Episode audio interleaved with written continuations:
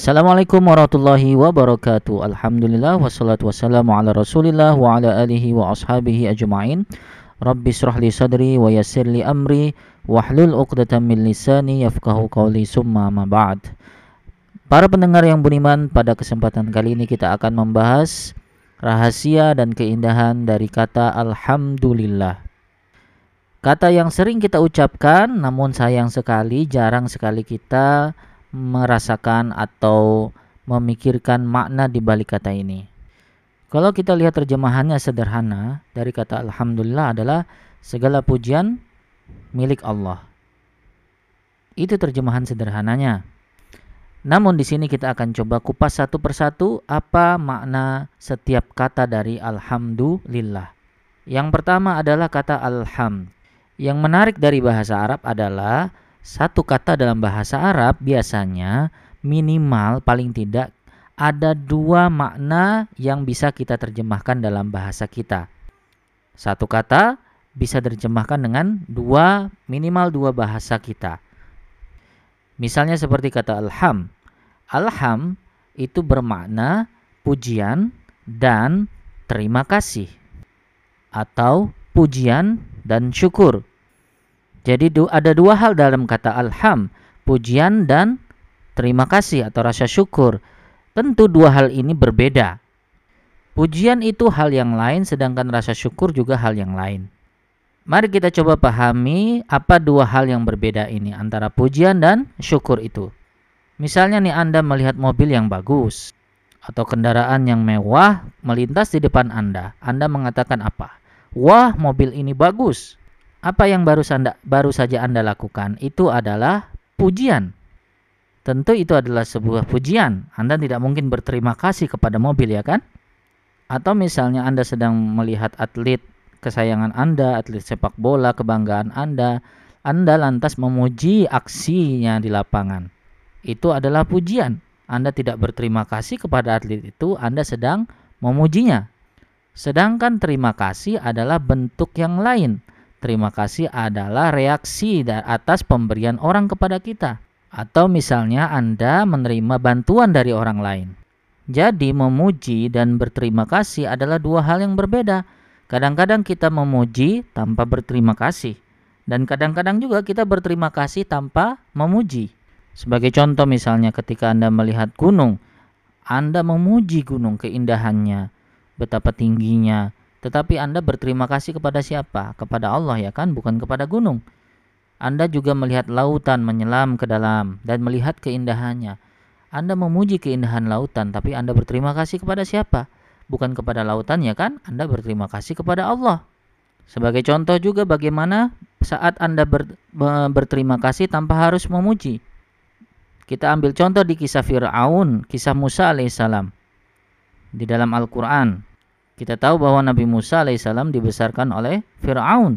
Fir'aun memberinya makan, memberinya minuman. Namun ketika Nabi Musa alaihissalam kembali kepada Fir'aun ketika ia dewasa dan menerima wahyu untuk berdakwah kepada Fir'aun, lantas Fir'aun mengatakan kepadanya, Alam nurabbika fina walida.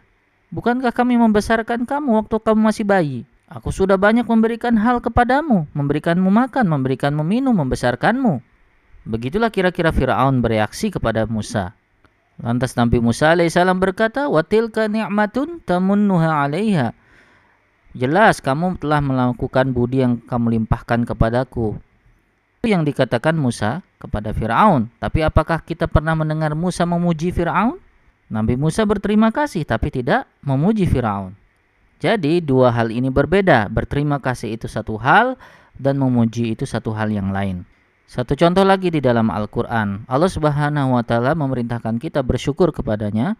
Anishkurli tetapi tidak hanya bersyukur kepadanya. Kita juga bersyukur kepada siapa?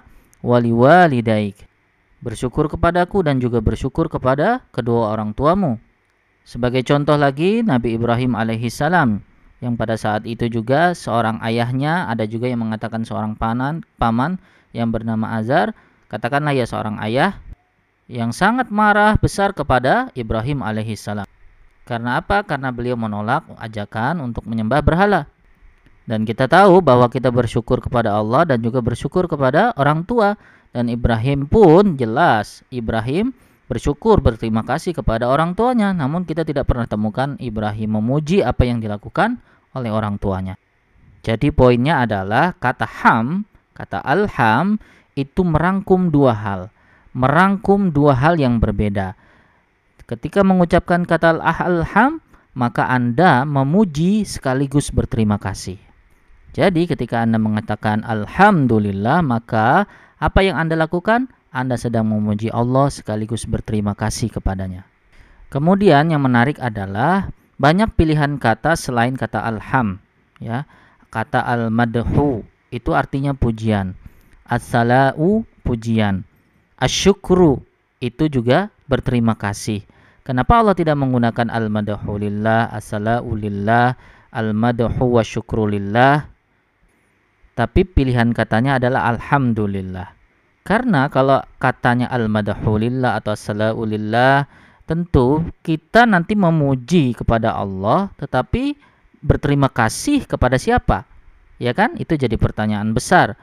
Kalau katanya asyukrulillah saja, kita berterima kasih kepada Allah lantas pujian buat siapa? Nah, kata alhamdulillah ini adalah kata terbaik. Pilihan Allah Subhanahu wa taala. Dengan kata ini, Allah menginginkan kepada kita dua sikap.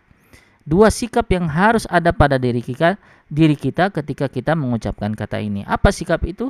Sikap memuji kepadanya dan sekaligus berterima kasih kepadanya. Jadi apa pun yang Allah lakukan terhadap diri kita, apa pun rencana Allah yang lakukan terhadap yang terjadi pada diri kita, maka sikap kita ada dua, yaitu bersyukur kepadanya sekaligus memuji semua rencananya. Jadi misalnya ketika Anda ditanya kabar, apa kabarmu? Alhamdulillah. Anda saat itu sedang memuji kepada Allah atas apa yang Anda lalui hari itu, atas apa yang terjadi pada Anda saat itu. Anda memujinya dan sekaligus berterima kasih kepadanya. Walaupun kondisi Anda mungkin tidak tidak semuanya menyenangkan, tetapi Anda masih menaruh kepercayaan bahwa Allah apa pun yang Allah lakukan terhadap diri Anda, rencana Allah terhadap diri Anda tetaplah yang terbaik dan Anda berterima kasih kepada Allah karena Anda masih merasakan nikmat-nikmatnya yang banyak. Jadi dari kata ini kita diminta untuk mencari alasan apa pun untuk mengakui bahwa Allah lah sumber segala pujian, pujian kepadanya dan sekaligus mencari-cari nikmat-nikmat yang telah Ia berikan yang harus kita syukuri. Jangan pernah berhenti untuk melakukan dua hal itu. Itulah sikap positif yang Allah inginkan ada pada kita minimal 17 kali dalam sehari kita mengucapkan kata-kata ini. Mengapa sikap positif? Karena memuji adalah sesuatu yang positif. Anda tidak mungkin melakukan pujian sekaligus mencela.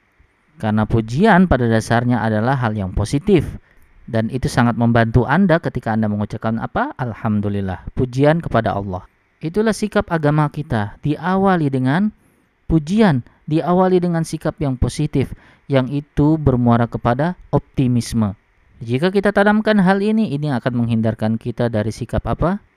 Sikap pesimis, selalu menyalahkan orang lain, selalu menyalahkan keadaan, mencari kambing hitam dan seterusnya. Inilah sikap pertama yang harus kita miliki. Kata alhamdulillah merubah cara berpikir kita. Cara berpikir seperti apa? Cara berpikir optimisme bahwa segala apa yang terjadi pada diri kita adalah rencana Allah yang terbaik dan itu tertuang terpusat kepada kata alhamdulillah.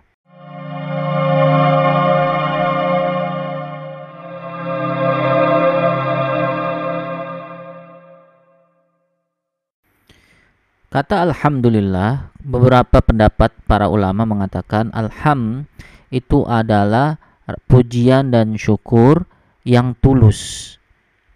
Jadi kata alham itu adalah bentuk pujian dan syukur yang tulus.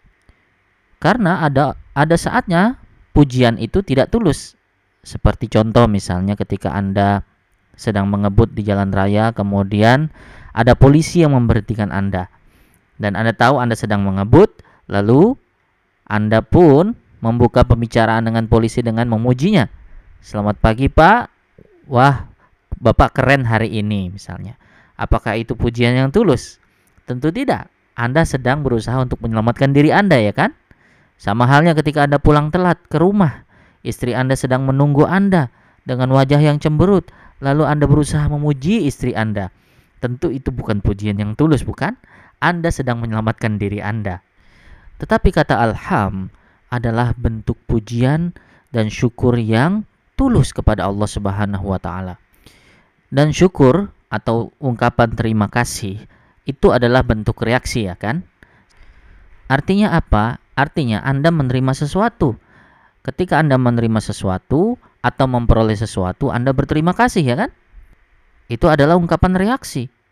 Jadi kata alham itu mengandung bahwa fakta bahwa Anda telah menerima sesuatu yang itu membuat Anda harus bersyukur kepada siapa? Kepada Allah.